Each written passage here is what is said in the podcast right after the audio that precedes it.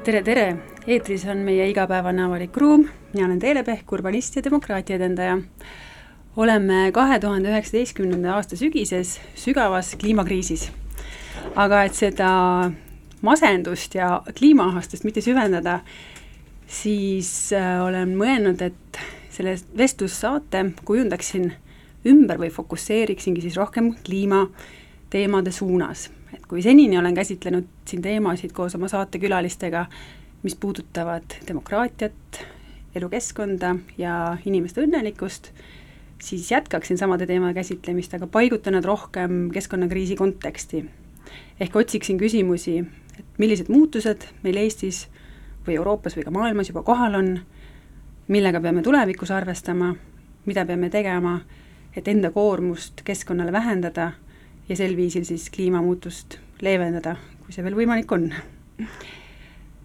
Eh, tahaksin läbi käia erinevad teemad ja vaatenurgad, sest eh, kõik on ju omavahel seotud. nagu keskkonnasõbralikkuses ei piisa enam kaugeltki sellest, kui prügi sorteerida või jalgrattaga sõita, vaid meil on vaja nii indiviidi kui ka ühiskonna kui ka planeedi tasandil palju radikaalsemaid ja suuremaid muudatusi nii igapäevastes valikutes kui ka siis süsteemides ja selleks, et äh, rohkem lootust ja inspiratsiooni süstida, tahaksingi, et äh, iga kord, kui ma kutsun kellegi siis eri teemal rääkima, ta annaks ka konkreetseid soovitusi ja kas järeleproovitud või siis testimist ootavaid lahendusi nendel erinevatel tasanditel, nii indiviidi, kogukonna kui riigi tasandil ja loodan, et sellest sarjast saab siis inspiratsiooni nii ehitusinsener, linnaplaneerimise ametnik, padupoliitik või lihtsalt inimene, kes tahab rohkem teada ja vastutavamalt elada. Esimesena soovitan ka lugeda ühte head kogumikku, Vikerkaar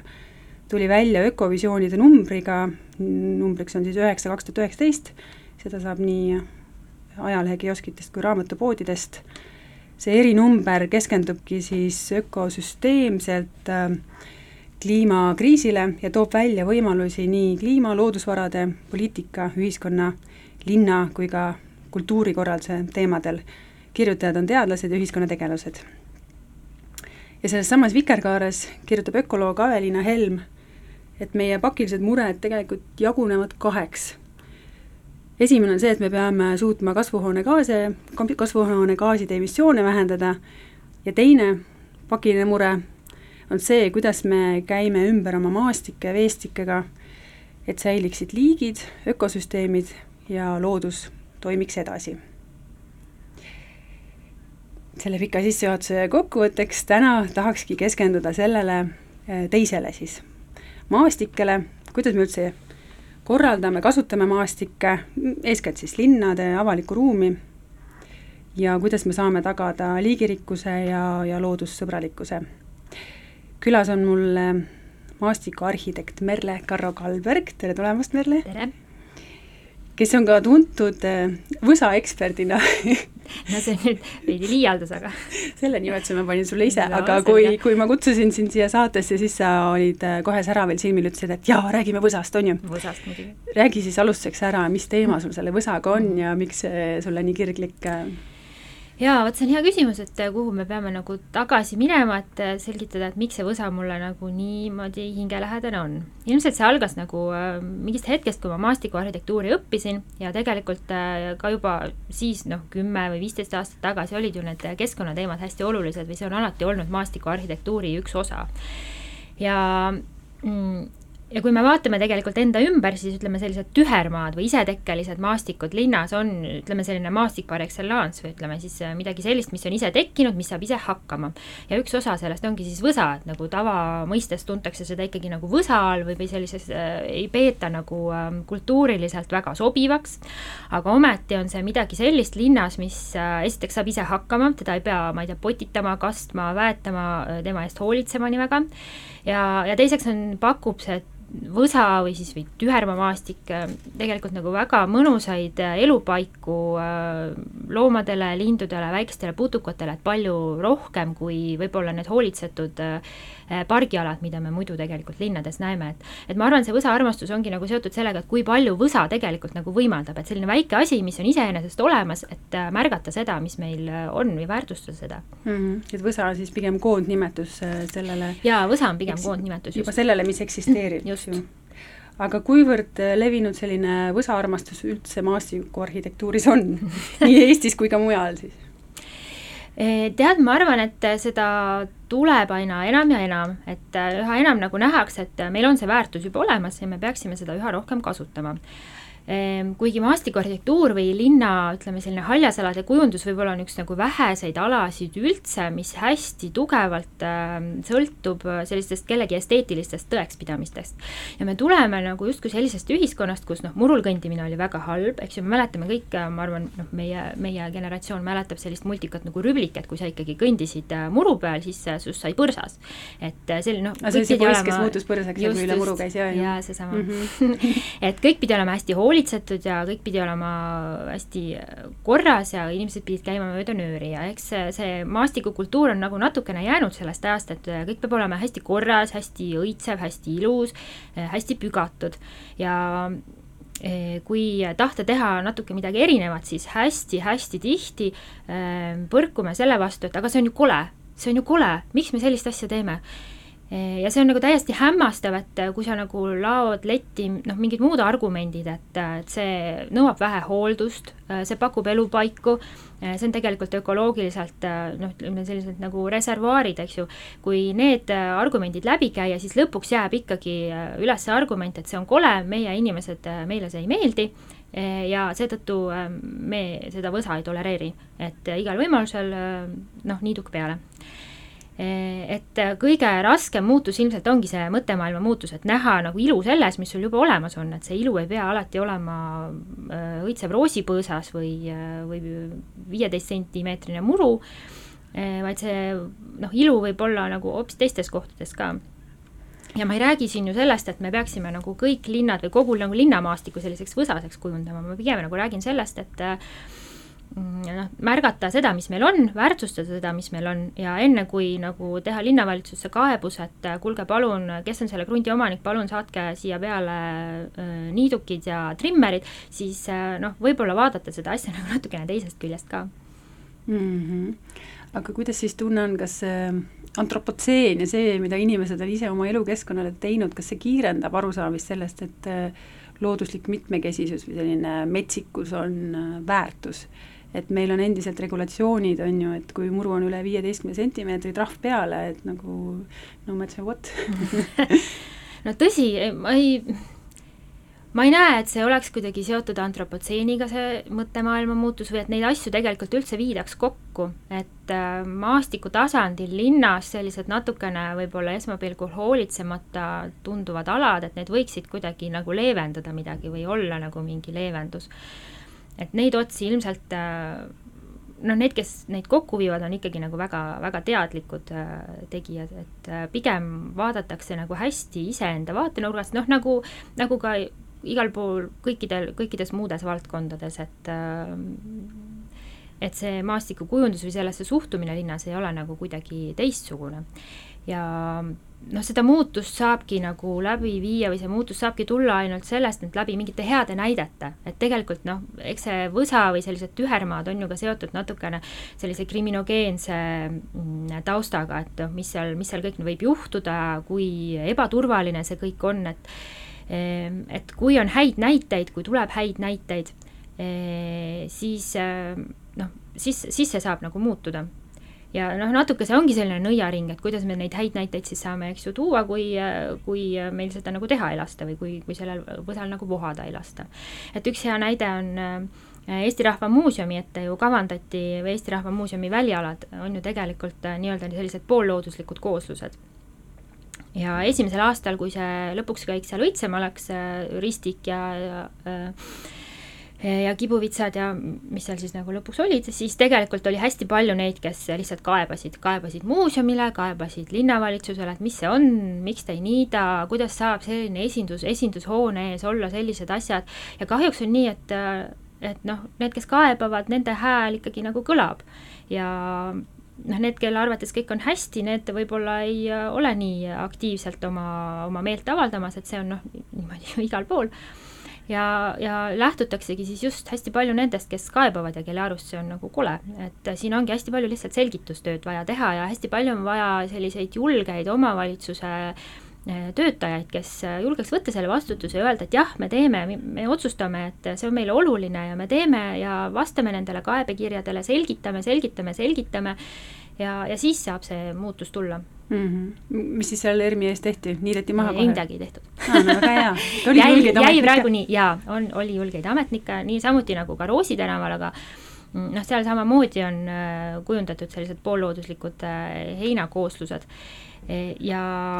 noh, muidugi selle asja puänt või nagu nali on see, et lihtsalt need äh, heinajupid või heina nagu ribad on arvele võetud lillepeenardena mm., et, äh, et justkui nagu see regulatsioon ei lubakski selliseid asju teha, sest noh, muru peab olema niidetud. ja kui see kasvab terve nagu siis selle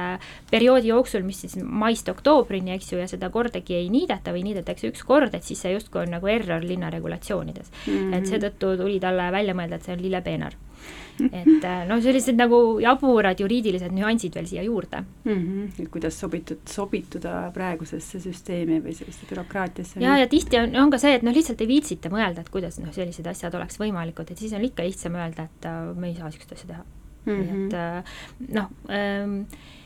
sellel aastal me tegime Põhja-Tallinnasse Stroomi randa ühte hoolduskava, maastikuhoolduskava, kus me tegelikult nagu pakkusime välja, et äh, laseme seal kasvada ja niidame lihtsalt sinna, no seal ju ruumi on, niidame sinna lihtsalt mingid rajad sisse või nagu mingid suuremad lapid, et inimesed saavad siis seal istuda. ja praegu tundub, et see nagu läks sinna sisse, aga mõned aastad tagasi, noh, selgus, et see mõte on tegelikult juba käinud äh, või olnud juba pikemalt, aga et linnaosavalitsuse juhid ei olevat olnud nõus, sest see noh, ei sobi ju, see on ju kole, äh, see hirmus, hirmus aga kui tulla sellisest subjektiivsest tasandist natukene nagu nii-öelda kõrgemale, et noh, praegune ajastu nõuabki mõnes mõttes üldistamist, aga siis ka häid lahendusi ja praktikaid ja näiteid ja, ja inspiratsiooni, eks ju. et äh, sinu vaatest, milliste muutustega me üldse peame Eestis kohanema mm? -hmm. et kui me räägime maastike kujundamisest, kasutamisest, siis sealhulgas avaliku ruumi mm. -hmm no üks asi on kindlasti äh, need veehulgad või sademete hulgad, mis, äh, mis suurenevad, et sel aastal me nägime seda vähem, aga eelmised aastad on olnud selliseid hästi äh, tugevaid vihmasid väga lühikese perioodi jooksul, mis tekitavad üleujutuse, sest et linna kanalisatsioonivõrgud ei võta seda vastu. Ja noh, seda on ka tegelikult välja toodud näiteks selle Kuressaare uue keskväljaku puhul, et kuidas projekteeritud väljak ei suuda neid äh, vihmaveesid vastu võtta, kuigi sel aastal ei olnud tegelikult väga selliseid ekstreemseid olusid. ja siin äh, see projekteerija näiteks toob välja, et talle anti hoopis teistsugused lähteandmed kui siis näiteks äh, sellele, kes projektile lõpuks eskiisi tegi, et need lähteandmed on justkui hästi olulised ja see, kui palju vihma prognoositakse? jaa, see, kui palju vihma prognoositakse mm, -hmm. et sa tead sellega arvestada. Aga nüüd tulles selle küsimuse juurde, et, et mida me siis ees ootame ja kuidas me saame sellele nagu maastikuarhitektuuri vahenditega vastata, siis noh, need vihmaveed või vihmavalingud on kindlasti üks asi, ähm, mida saab näiteks ära juhtida haljasaladele. et see tähendab, et meil peab olema selliseid nagu nii-öelda vihmapeenraid või siis selliseid nagu natukene madalamaid alasid, kuhu me selle vihmavee kokku juhime ja see saab siis äh, läbi maapinna nii-öelda või noh, siis maapinda äh, valguda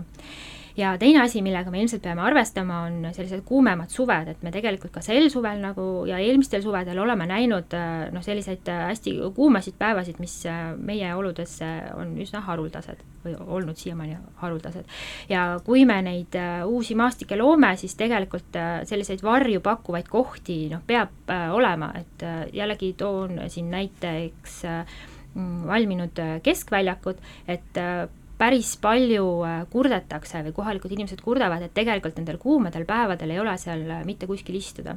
et arhitektuuriliselt, arhitektuuri mõttelt on need väljakud küll väga mm, esinduslikud ja väga omapärased ja väga väljatoomist väärivad, aga ütleme, sellise kohaliku elaniku seisukohalt, kes tahaks võib-olla ka siis, kui on õues kolmkümmend kraadi seal väljakul viibida, et siis tegelikult selle asfalti või betoonplatsi peal on äärmiselt närune olla ja ükski purskkaev seda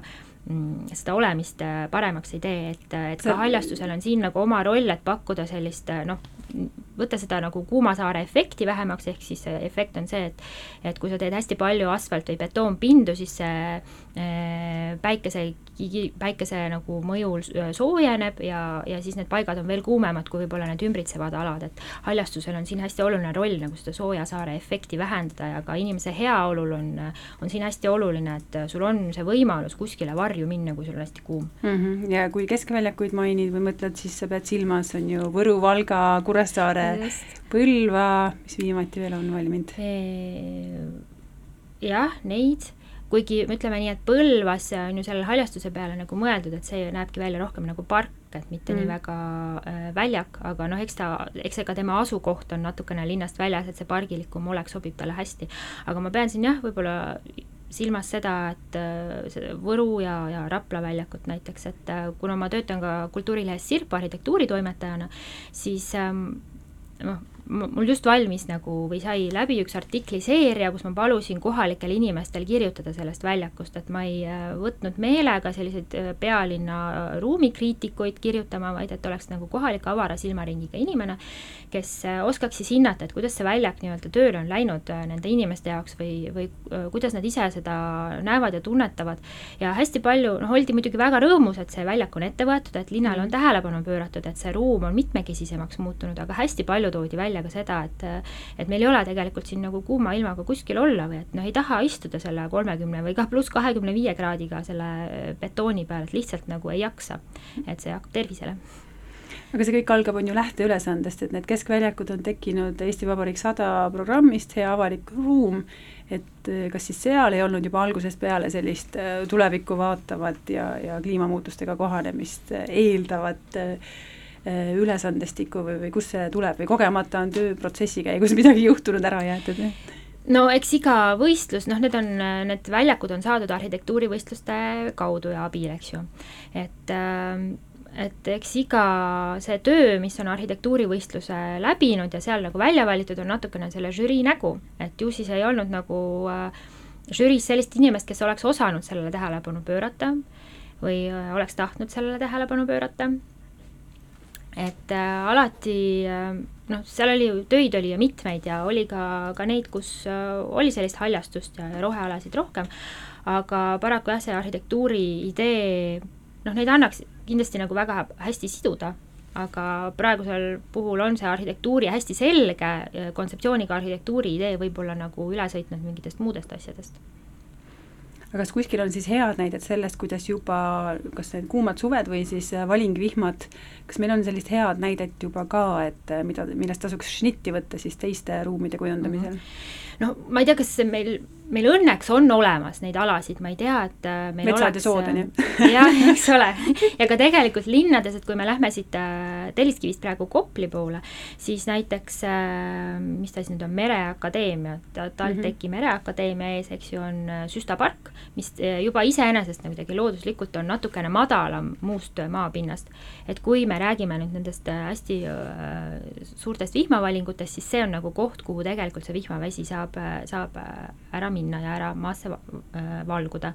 et äh, see on juba meil olemas, et selles mõttes mingid väärtused meil olemas, me peame nagu sellest kinni hoidma ja peame nagu seda säilitama. siis ma tean, et äh, Tallinnasse, Lasnamäele Priisle parki on tehtud paar sellist nii-öelda vihmapeenart, mis ähm, justkui siis soodustaks seda, et kogutakse see vihmavesi kokku ja, ja see valgub siis nagu või noh, seitub seal kohapeal või siis aurab ära ja natukene valgub, valgub ka maasse. Aga tihti noh, nende projektidega on see, et, et see ala, see valgala, kust seda vett nagu kokku justkui kogutakse, on ju, et see, see võib-olla on natukene liiga väike ja võib-olla need kaldad ei anna noh, tehniliseks minnes, eks ju, ei anna välja ja ja meie ütleme, selliste tänavate, miks meil tänavatel selliseid asju ei tehta, tänavate häda on lihtsalt see, et tänavate all on väga palju igasuguseid kommunikatsioone, torusid, juhtmeid ja nende peale on peaaegu võimatu midagi teha, nende peale on võimatu istutada haljastust, nende peale on võimatu teha selliseid vihmapeenraid, et kahjuks eh, Eesti tänavate sellise ilme väga paljuski määrab ära määravad ära need maa-alused äh, juhtmed ja torud mm. -hmm. seda ma mõtlesingi just, et noh, Tallinn on üks suur asfaltväli, aina rohkem asfalti lisandub ja kuhu, kuhu need impeenrad siis siin mahuvad või kuidas seda kõike korraldada, et on kuidagi, üks töötab teisele vastu tegelikult ju, et, et uued teeprojektid plaanivad maa alla ka mitmekümne tuhandelisi või miljonilisi veesüsteeme, mis ka ei pea vastu, noh nagu Ülemiste, see ristmik ja kõik. et äh, kohe jätkame sel teemal, kuulame Merle lemmikmuusikat vahepeal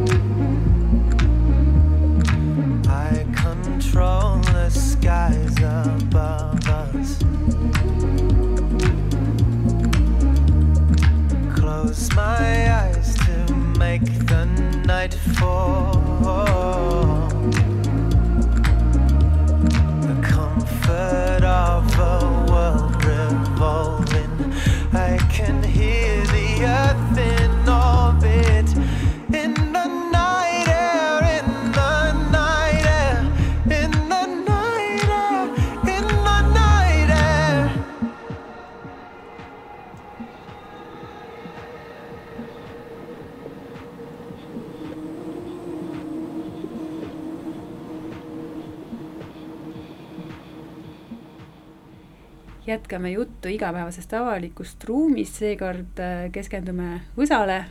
metsikule loodusele linnas ja sellele, mida me peame tegema, et ise kliimamuutusi mitte kiirendada ega süvendada, vaid hoopis leevendada. et äh, Merle Karro Kalberg, nagu kuulsite ennegi, on stuudios.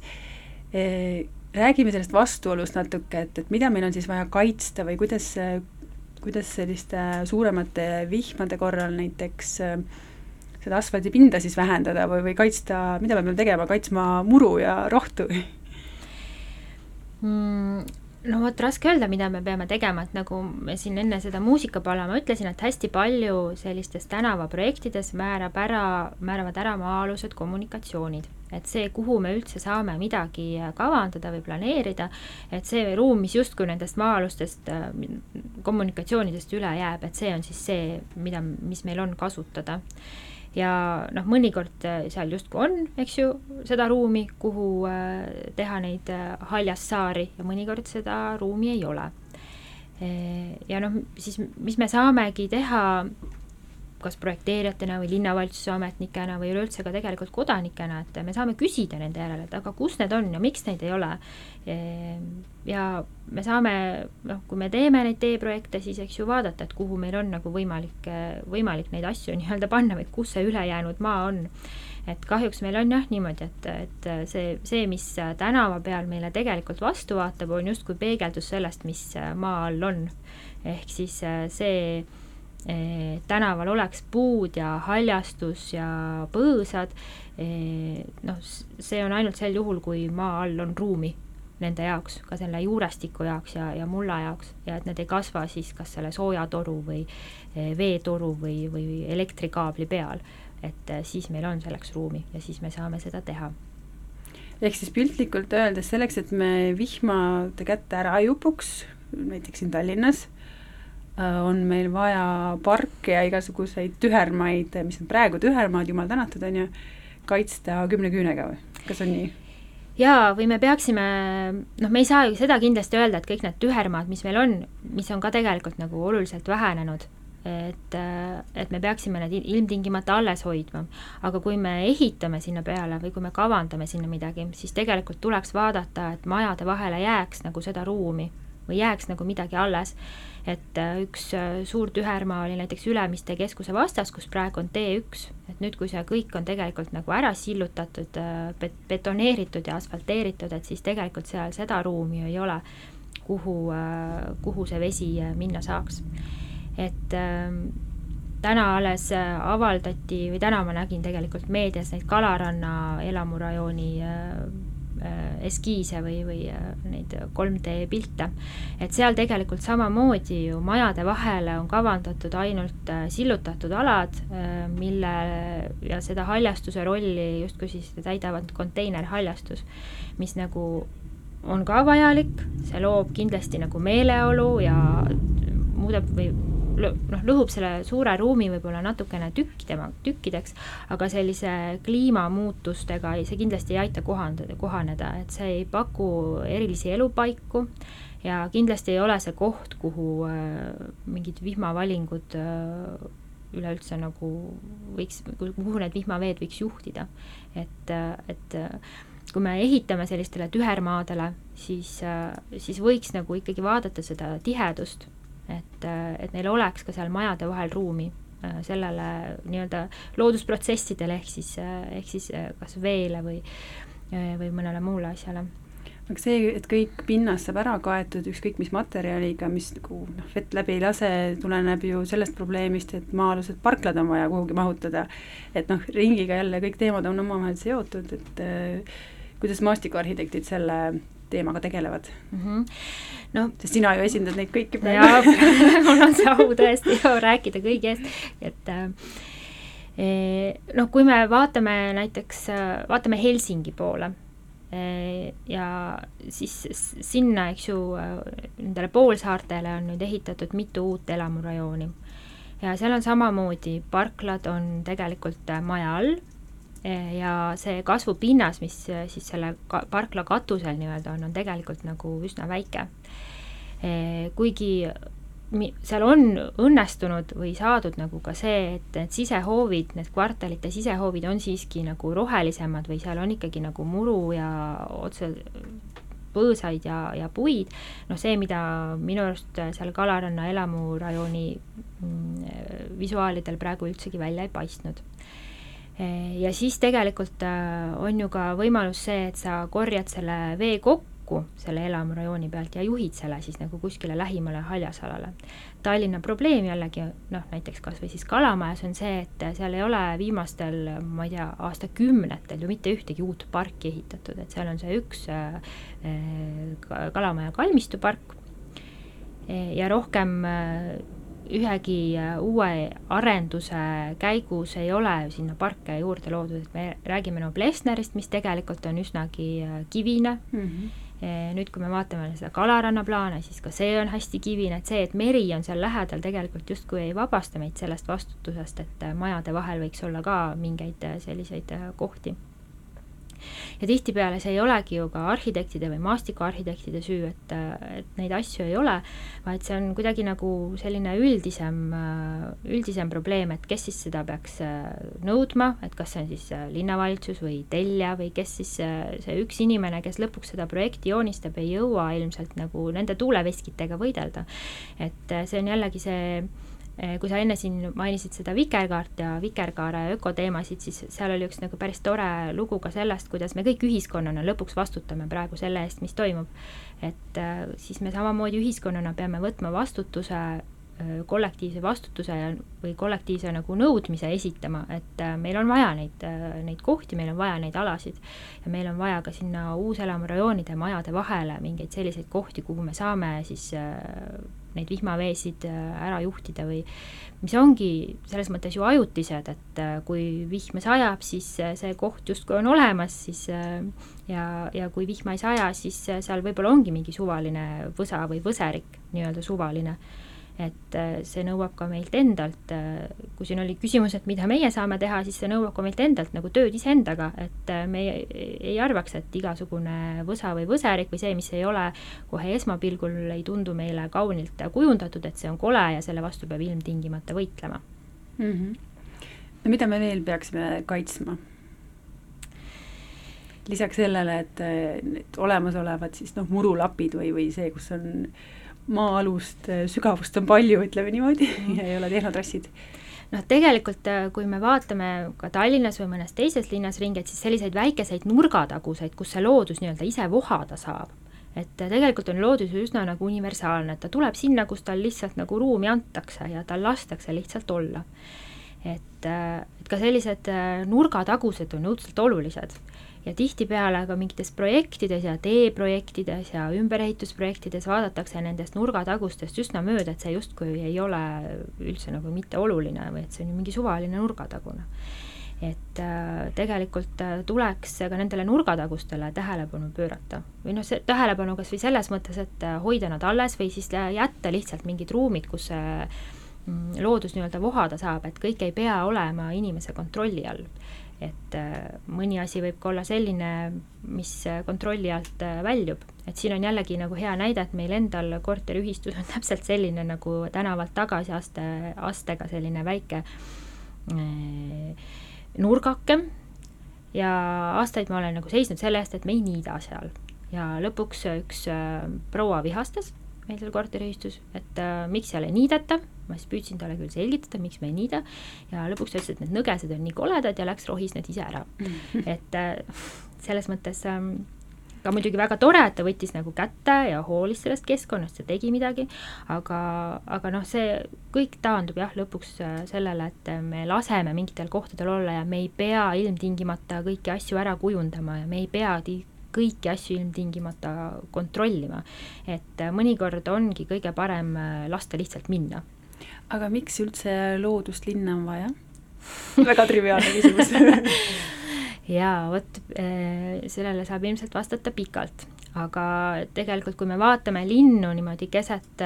seda laiemat maastikku, siis äh, linnad iseenesest on juba natukene liigirikkamad kui seda ümbritsev maastik, mis enamasti äh, on siis kas muudetud elamurajoonideks või siis on hästi suured nagu põllumassiivid. ja loodust äh, on inimesele linna vaja kas või sellepärast, et, et sa ei peaks linnast välja sõitma igal juhul, et kui sa tahad minna metsa või kui sa tahad natukene puhata, et siis sul tegelikult on linn on ju seda elamisväärsem, mida rohkem võimalusi ta pakub ka, ka loodusesse minemise mõttes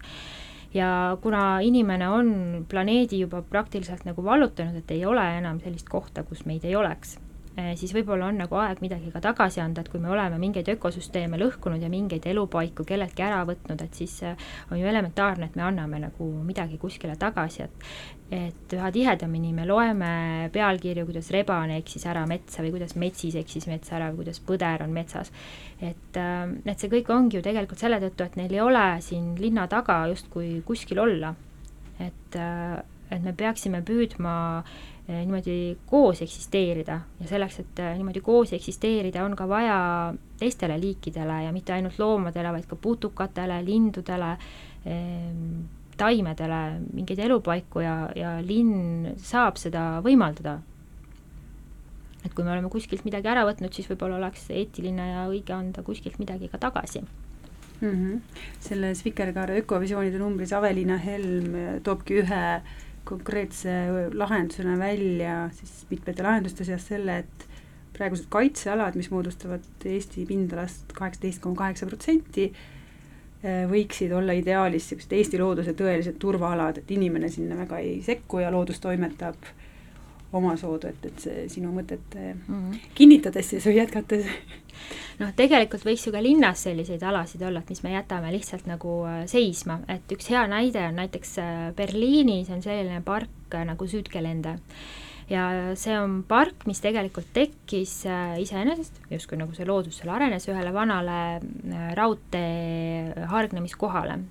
et äh, viiekümnendatel oli see raudtee veel kasutuses ja siis mingil hetkel ei olnud seda enam tarvis, sest see tööstus äh, kolis kas ära või seda ei olnud enam vaja, nii et see paik jäi justkui nagu seisma, et äh, viiskümmend aastat keegi seal ei käinud, keegi sinna ära justkui ei eksinud ja siis ühel hetkel avastati see, et vaat kus on nagu ägedasti võssa kasvanud ja, ja millised nagu looduslikud rikkused siin on, et tegelikult nagu väga nagu loodusreservuaar linnas. ja nüüd on see park kaitse all sellest on äh, kujundatud selline mõnus äh, linnapark, et kuigi ta asub natukene nagu linna servas, siis sinna on väga hea metroo ja rongiühendus. Ja väravast sisse saamiseks pead sa väravasse panema kas siis oli ühe või kahe eurose, et see noh, see ikkagi nagu maksab, et sa sinna sisse lähed, et keegi ju ka hooldab seda, noh kas või selles mõttes, et korjab kokku prügi ja mm, ja, ja seal on ka sellised mängualad ja kontserdialad, et, et on kujundatud selline koos loodusega siis siis inimesega, et need asjad saaksid nagu, saavad nagu koos eksisteerida. aga see on jällegi hea näide sellest, kuidas mingil asjal tal nagu unustati ja see asi siis ise kasvas, kasvatas endas väärtust ja, ja nüüd on see selline väga kuulus park, et üle maailma kõikides maastikuarhitektuuri ähm, ajakirjades ja, ja veebisaitidel nagu äh,, nagu olemas ja hea sellise näitena välja toodud. et äh, et jah, küsimus sellest, et miks meil seda loodust äh, linna on vaja, et seda on ka noh, inimesele endale vaja, et äh, meile kõigile ilmselt meeldiks äh, kas joosta või jalutada kuskil, pigem kuskil metsas või mere ääres või kuskil looduses, kui ütleme siis autode rikkal tänaval. et on ju ka tõestatud või noh, pikalt, põhjalikult väga paljud, et, et looduses viibimine tegelikult maandab stressi ja aitab kaasa keskendumisvõimele et äh, kõike seda noh, peaks ka linnas võimaldama niimoodi, et sa ei pea tõesti minema kuskile mujale, et siis nii-öelda enda patareisid laadida või, või, siis neid ennast nagu täita. kas siis peaks Berliini selle pargi näitel hakkama näiteks Tallinnas, Tartus ja teistes äh, Eesti linnades, äh, nii väiksed kui nad ka on, ka kuidagi aiad ümber panema ja, ja laskma seal vohada selle, mis on ja kui vaja, siis äh, kohalike elanike, ma ei tea, ettevõtjate, startup'ide poolt lihtsalt üles osta see maa,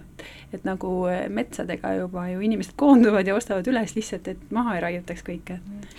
jah, see on üks võimalus. Nüüd, eh, kui eh, Tartu saab kahe, kakskümmend kakskümmend neli kultuuripealinnaks, siis me oleme Karin Pahman ja Anna-Liisa Hundiga sinna esitanud tegelikult ühe sellise projekti, mille nimi on Curated Biodiversity ehk siis kureeritud bioloogiline mitmekesisus ja selle raames me oleme lubanud, et äh, Tartu kesklinna pargid, mis tegelikult on ju praegu üsna sellised üheülbalised mm -hmm. või mhm. tegelikult pigem nagu loodusvaesed. puud ja harakad. Äh, puud ja harakad ja siis natuke mingit võib-olla muruliblet ka mm. -hmm. et äh, selle projekti raames me püüame selle liigirikkuse või looduse nii-öelda linna tagasi tuua ja meie nägemuses äh, need Tartu kesklinna pargid olekski justkui selline maastikulaboratoorium, äh, mida me siis nagu selle nelja või viie aastaga kasvatame ja vaatame siis, millised nagu meetodid äh, toimima hakkavad, et et on võib-olla mingid kohad, kuhu me ei lase inimesi, et need saavadki nagu näiteks laagerduda see neli aastat kuni siis see kultuuripealinnana ja siis avame alles siis, võib-olla on mõned alad Mm, mille me külvame üles ja püüame sinna nagu niidutaimestikku teha, et see kõik on veel nagu lahtine ja koos linnaelanikega me püüaksime sellele järgmise aasta alguses äh, mingeid pidepunkte või vastuseid leida, et kuhu ja mida teha, aga seda meie projekt ju ette nägi, et, et me katsetame või proovime, millis, milliste meetoditega, milliseid asju justkui või milliseid äh, süsteeme, ökosüsteeme saaks linna tagasi tuua mm,. kõlab väga põnevalt. ja vaatame ja, ja plaan ongi alustada järgmisel aastal, sest äh, noh, maastik teatavasti ikkagi vajab kasvamiseks aega, et ka see, kui me paneme mingid kohad kinni, siis see neli aastat tegelikult on väga-väga väike aeg. Ehm, mingeid muutusi me saame selle ajaga muidugi nagu näha aga et hakkame tegutsema juba järgmisel aastal ja siis äh, aastal kakskümmend kakskümmend neli vaatame, mis välja tuli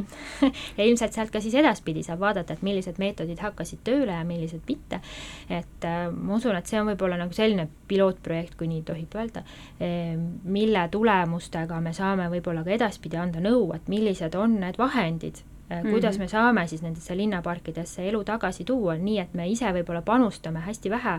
või et noh, et me ei istuta sinna otseselt nagu midagi juurde, nagu me näeme, eks ju, Tammsaare parki on ka püütud või ongi nagu elustatud või sinna on ka toodud tagasi see eh, põõsasrinne ja rohttaimede rinne aga noh, istutamise asemel me püüame võib-olla vaadata seda, et kuidas äh, mingite minimaalsemate vahenditega või kuidas loodus ise nagu tagasi tuleb linna või, või millised, kust me peame järgi aitama või kust me peame nagu tagasi tõmbuma, selleks, et need asjad äh, toimuda saaksid mm. -hmm. ja millistes parkides siis kesklinnaga? Need on kesklinnapargid jah, et me natuke seda paika või nagu loksutame, loksutame veel paika, aga üldjoontes see on siis Uue Turu park, park, mis jääb siis Vanemuise teatri ja mm, Kaubamaja vahele ja siis on see Kaubahoovi park e, tegelikult on meil juttu olnud ka Toomemäest, Tartu Toomemäest mm., et ka seal võiks nagu mingeid meetode rakendada, et seda elurikkust äh, tagasi tuua. Ja, ja siis me vaatame, kuidas meil nagu jaksu on, et kõige sellega me hakkame tegelema järgmise aasta alguses, siis kui on, äh, on see kultuuripealinna sihtasutus ära loodud ja meil on nagu mingid dialoogipartnerid, kellega me saame äh, Mm, arutada, et, et millised asjad nagu võimalikud on mm. -hmm. aga parkidega seostub mulle kohe äh, väga võimsate väga mõttetute riistapuude, lehepuhurite teema. eriti Tartus, kus lehepuhurite vastane võitlus on võtnud väga lahedad pöörded, et ma vaatasin, toimub nii-öelda meeleavaldus lehepuhurite vastu, aga rehitsemise vormis minnakse Toomemäele. Võetakse rehad, kellel ei ole, antakse rehad kätte, ürituse nimi on Rehabiliteerime Tartu, reha on seal suurelt. Et äh, kas võid nagu seda natuke, et miks see lehepuur siis paha on ja, või kuidas üldse selline nii tänavate hooldus, mida ka on ju lehepuhuritega üritatakse lahendada kolme puulehte taga ajades, kui ka siis suuremate pindalade parkide, et, et kas see on võrdväärne, et, et noh, mõnes mõttes ökoloogid räägivad, et lehed peaks jääma, on ju, muru peale, et ärge riisuge üle, ärge pingutage üle, sellepärast et see aitab putukatel seal pesitsuskohti tekitada ja mida kõike, aga ma vaatan, et äh, siin Tallinnas vähemalt kõnniteedel on nagu sama soovitust järgitud, et, et enam ei koristatagi kõnniteid, kõik on sellist lehelõga täis mm. -hmm. No jah, nende lehepuhurite vastu on ju tegelikult olnud ka Tallinn, et kui nüüd äh, sai eelmise nädala lõpus minu arust teatavaks, et äh, Tallinn kavatseb jälle mm, kandideerida rohepealinna tiitlile aastal kaks tuhat kakskümmend kaks. no mingit kolmandat või neljandat korda. jaa, just mm, -hmm. siis üks nagu meede, mis seal nagu välja toodi, oligi see, et me, aga me keelame lehepuhurid äh, tänavatel. ja miks see siis noh, see on muidugi nagu lihtsalt repliigina öeldes muidugi nagu väike piisk lihtsalt nagu ma arvan Tallinnas, et see mm -hmm. suures pildis on üsna nagu üsna väike mõju. aga lehepuhurid ise noh, nad töötavad ju, nad teevad õudselt lärmi ja tegelikult ajavad ka seda tolmu üles, et ka need, kes on näiteks allergikud, et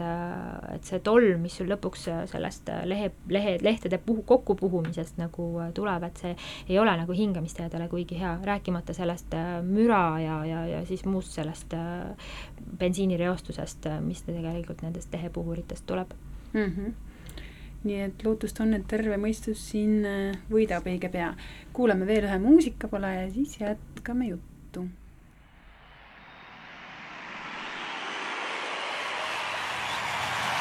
What's your profanity? La la la la la la la la la see lugu alguse umbes sai täpselt nii, ununes su nimi hetkel, mil sind kohtasin, aga pole hullu, polnud tähtsustki, sama kiire kui sa tulid, läksidki, sa olid mul nagu soe suveõhtu, mõnus küll, aga sügis tuli ruttu. Ja su huvi kadus nagu tühja õhku, uuel suvel ikka jälle juurde panid rõhku ja ongi nüüd nii, olen sinu peos nagu tahtsidki, jooksen sinu järgi nii lollisti, aga armastus on pime, pole mina süüdi ja ongi nüüd nii, olen sinu peos nagu tahtsidki, jooksen sinu järgi nii lollisti, aga armastus on pime, pole mina süüdi ja la la la.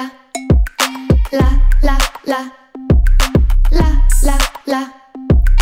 La la la okei okay,, tegelikult pole asi nii hull, kõik ei pruugi olla nii, nagu tundub, seega viiekümnendat korda sind usun. Ja alatiseks jään truuks sul, ah sa oled ju nii vaimukas, tähelepanuga võiks ära harjuda. Ja kui harjungi sa nagu varjuks, siis muutud hetkega ja pistad jooksu siis. ongi nüüd nii, olen sinu peos nagu tahtsidki, jooksen sinu järgi nii lollisti, aga armastus on pime, pole mina süüdi. Ja ongi nüüd nii, olen sinu peos nagu tahtsidki, jooksen sinu järgi nii lollisti, aga armastus on pime, pole mina süüdi ja kuule ei asi naljast ikka kaugel, kutsud välja tormi niisama ta ei rauge, sõit, mis senimaani on tundunud lauge, sa vaata ette suu tee täis on löökauke, jah. ma ei mängi sinul mänge, ah, ma väsin sinust ja su rumalast. vabandusest, et sul kiire ja sa testid minu piire, vot nüüd on see käes ka la, la, ongi nüüd nii, olen sinu peos nagu tahtsidki, jooksen sinu järgi nii lollisti, aga armastus on pime, pole mina süüdi. Ja ongi nüüd nii, olen sinu peos nagu tahtsidki, jooksen sinu järgi nii lollisti, aga armastus on pime, pole mina süüdi. Ja la, la, la, la, la, la, la, la, la la la. La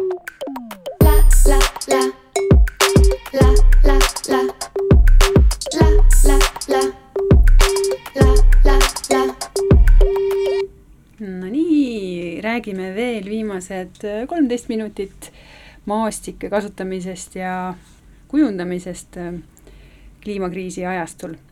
et Merle, ma tahaks, et sa nüüd siia lõppu tooksid välja konkreetsed soovitused mida saab näiteks üks majaomanik teha selleks, et äh, liigirikkust toetada, et ma ei tea, vihmavett paremini ära voolaksid niimoodi looduslikul viisil. Äh,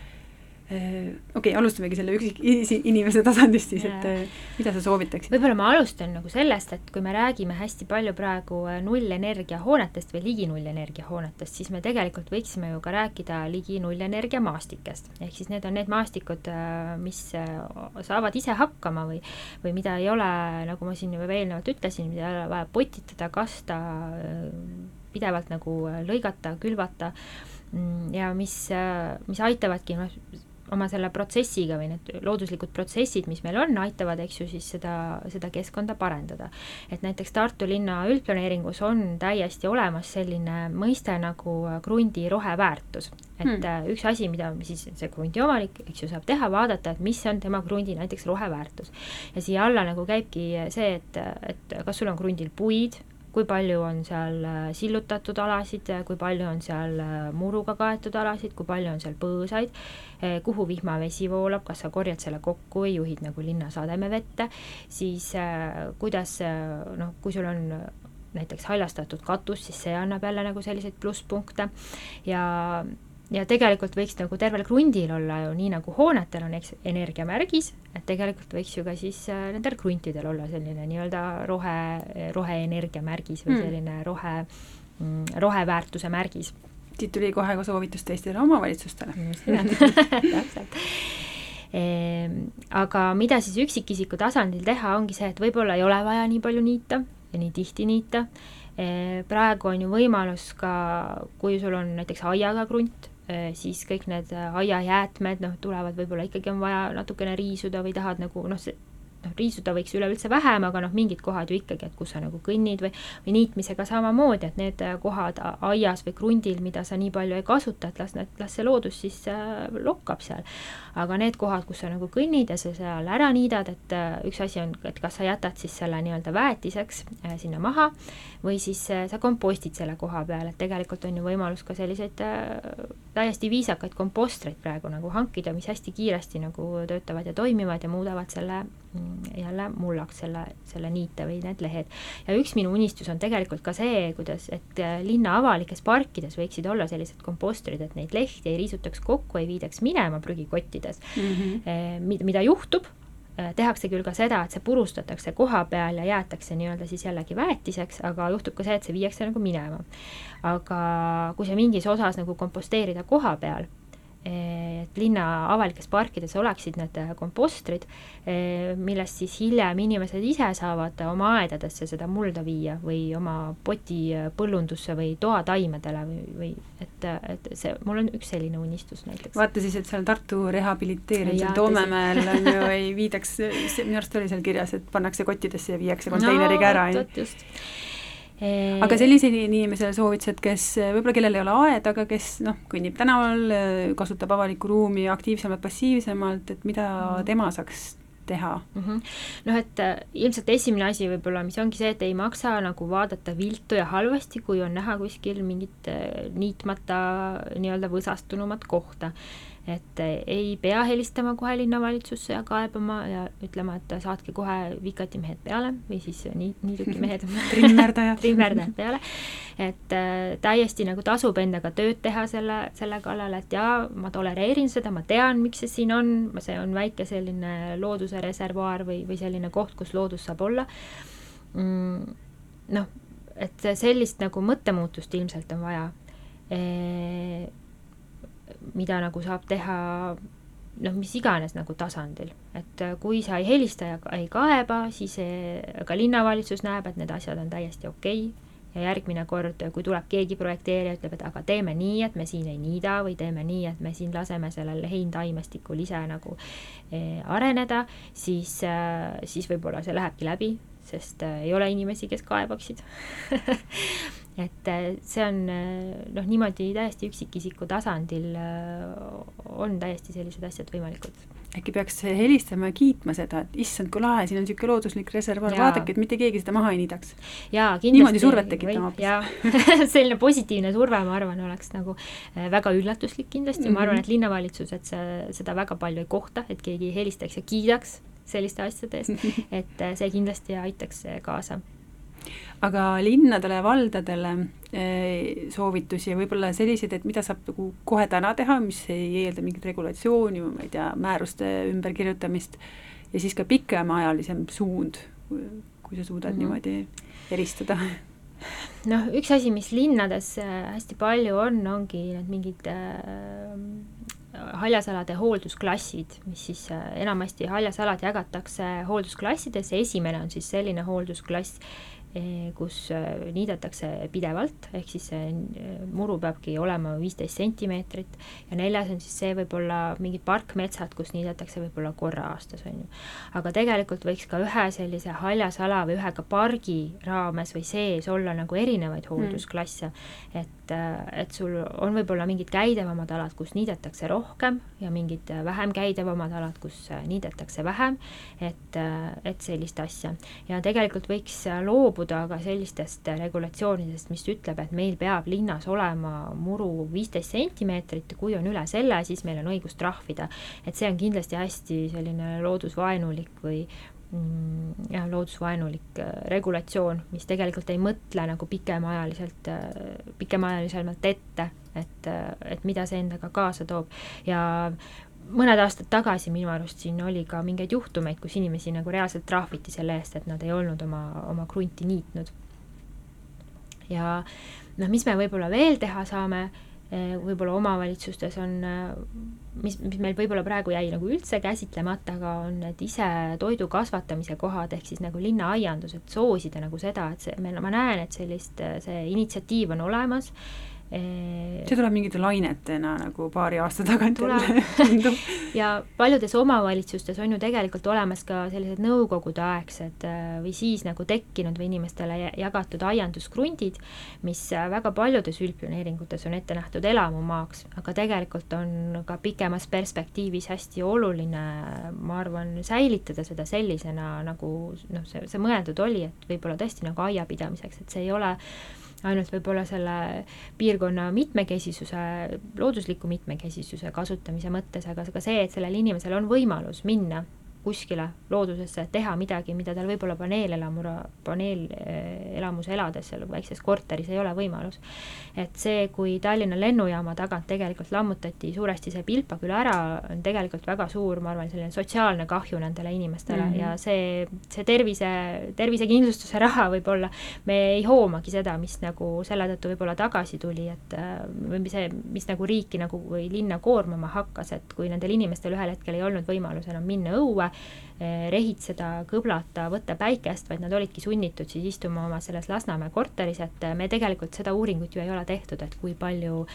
mm, kui palju see, see tervis nagu sellest vaesemaks läks, et üks, mis omavalitsus nagu teha saab, ongi nagu soodustada selliseid, selliseid tegevusi, et vaadata, mis sul juba olemas on, millega inimesed, mida inimesed armastavad teha ja siis seda mitte neilt ära võtta mm, -hmm. vaid nagu pigem soodustada ma lisan siia selle linnaaedadega seoses, Tuul Sepp äh, kirjutab ka Vikerkaare Ökovisioonide numbris, et äh, ühe dimensiooni sellele juurde, et et kui inimene ise kasvatab äh, linnakeskkonnas oma toitu või siis mingit osa sellest, kas või maitsetaimi, siis tal tegelikult tekib võib-olla suurem hoolivus selle, et õhk oleks puhtam, on ju, ja tolmu oleks vähem, et, et noh, et see on selline positiivses mõttes nõiaring, jaa, on, et kui sa ikkagi kannad hoolt selle keskkonna eest, kus sa oled, sa näed, sa panustad sellesse eh, ja sa näed, et noh, reaalselt nagu kasvab midagi, on ju, et siis muidugi tekib see, see tunne, et see ongi minu linn ja mm -hmm. ma kannangi selle eest hoolt ja ma tahangi, et see oleks nagu ilus ja tore, et see on kindlasti see ka selline noh, linnaaiandusele annab külge pookida nagu noh, sellest ilmselt saaks täiesti eraldi saate, et äh, nii sellist sotsiaalset mõõdet kui tervisemõõdet kui, kui keskkonnakasvatuse, keskkonnaõpetuse mõõdet, et et äh, jaa, see on väga teema mm. -hmm. eks siin Tallinnas ka need levivad ja, ja isegi linnas on koordinaator tööl, endine linnalaborant Maria äh,, aga jah, siis poliitikud armastavad käia seal kogu aeg linti lõikamas ja neid äh, porgandeid välja noppimas, et noh, et see ei ole sellel eesmärgil. jaa, sellel, sellel peaks olema jah, selline süsteemsem nagu lähenemine, et, et sul on mingid püsimaad, et see ei ole lihtsalt nagu kolm peenart, et kui on ikkagi soov kasvada nagu laiemaks, äh,